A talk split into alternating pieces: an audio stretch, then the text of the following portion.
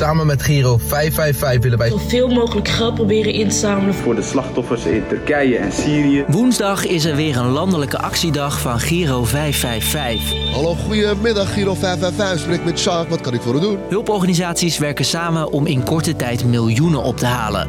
Want dat is nodig, zeggen ze. Het gaat over het zorgen dat mensen toegang hebben tot schoon drinkwater, tot tijdelijke opvangcentra, waar dekens te vinden zijn, waar warme kleren beschikbaar zijn. Wanneer wordt zo'n actie georganiseerd?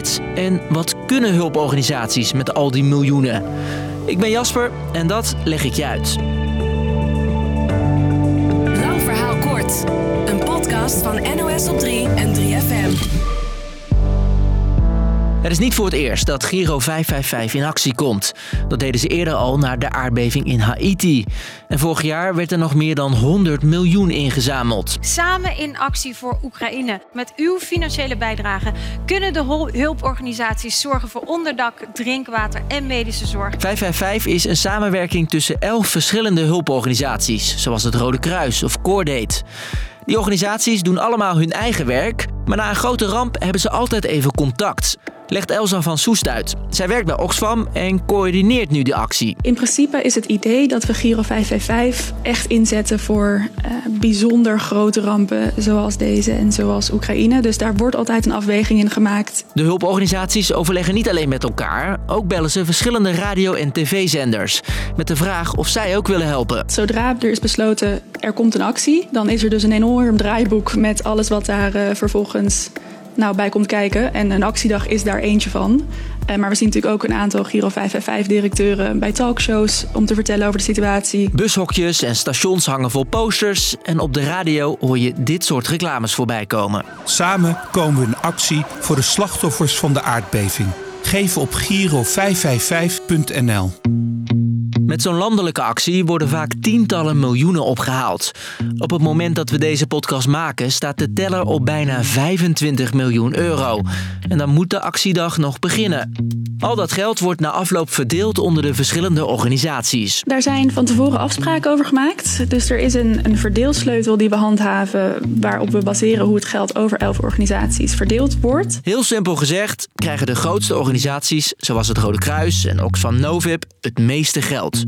In dit geval wordt het bedrag maar onder negen organisaties verdeeld.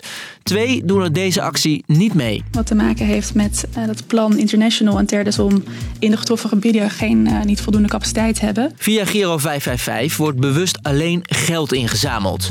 Verschillende goede doelen roepen zelfs op om te stoppen met het doneren van spullen. Want hoe lief dat ook bedoeld is, vertelt Elsa. Het gaat erom dat we nu, vandaag en vanavond nog hulp kunnen leveren. En de items die nu ingezameld worden, bereiken eigenlijk gewoon niet de mensen op tijd. Niet alle opgehaalde miljoenen gaan trouwens naar de slachtoffers. Want zo'n hele actiedag kost ook geld. Bij de laatste actie voor Oekraïne ging 6% van de opbrengst, zo'n 4 ton, naar de actiedag en de promotie daaromheen. Terug naar de actie nu. De opgehaalde miljoenen gaan straks dus naar hulp voor Syrië en Turkije. Maar dat geld goed uitgeven is vooral in Syrië nog niet zo makkelijk komt doordat er in dat land al 12 jaar een oorlog bezig is. En daar zijn ook nu de gewone mensen de dupe van. Er is dus niet zoals in Nederland één regering die de baas is. Je hoort mijn collega Miral de Bruin van de Buitenlandredactie. In het aardbevingsgebied heeft president Assad voor een gedeelte de macht. In het andere deel de oppositiepartijen. En vooral in die gebieden die niet van Assad zijn, is hulp verlenen moeilijk. Het is eigenlijk een enorme politieke en logistieke puzzel om daar überhaupt hulpgoederen binnen te krijgen. Toch denkt Elsa van Giro 555 dat dat wel goed komt. Giro 555 organisaties waren al in Syrië in de verschillende gebieden om hulp te verlenen. En daardoor is het mogelijk om dat op hele korte termijn snel op te schalen. Het blijft complex, maar het is zeker mogelijk. En het, het is mogelijk omdat we er al zaten. Maar volgens mijn collega Miral is dit toch een andere situatie. Nu dus die aardbeving is uh, geweest, nou ja, moesten er nieuwe afspraken worden gemaakt. Want er is veel meer noodhulp nodig. En nou over die nieuwe afspraken is er dus heel veel politiek nou ja, gesteggel.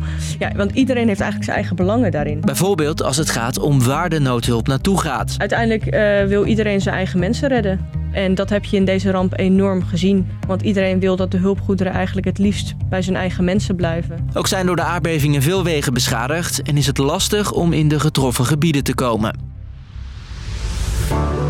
Dus, lang verhaal kort. Met een landelijke actiedag proberen verschillende hulporganisaties via Giro 555 geld in te zamelen voor de slachtoffers van een grote ramp. Nu dus de aardbevingen in Syrië en Turkije. Hoeveel van de opgehaalde miljoenen in Syrië terechtkomen, is nu nog lastig te zeggen. Door de oorlog daar is hulpverlenen lastig.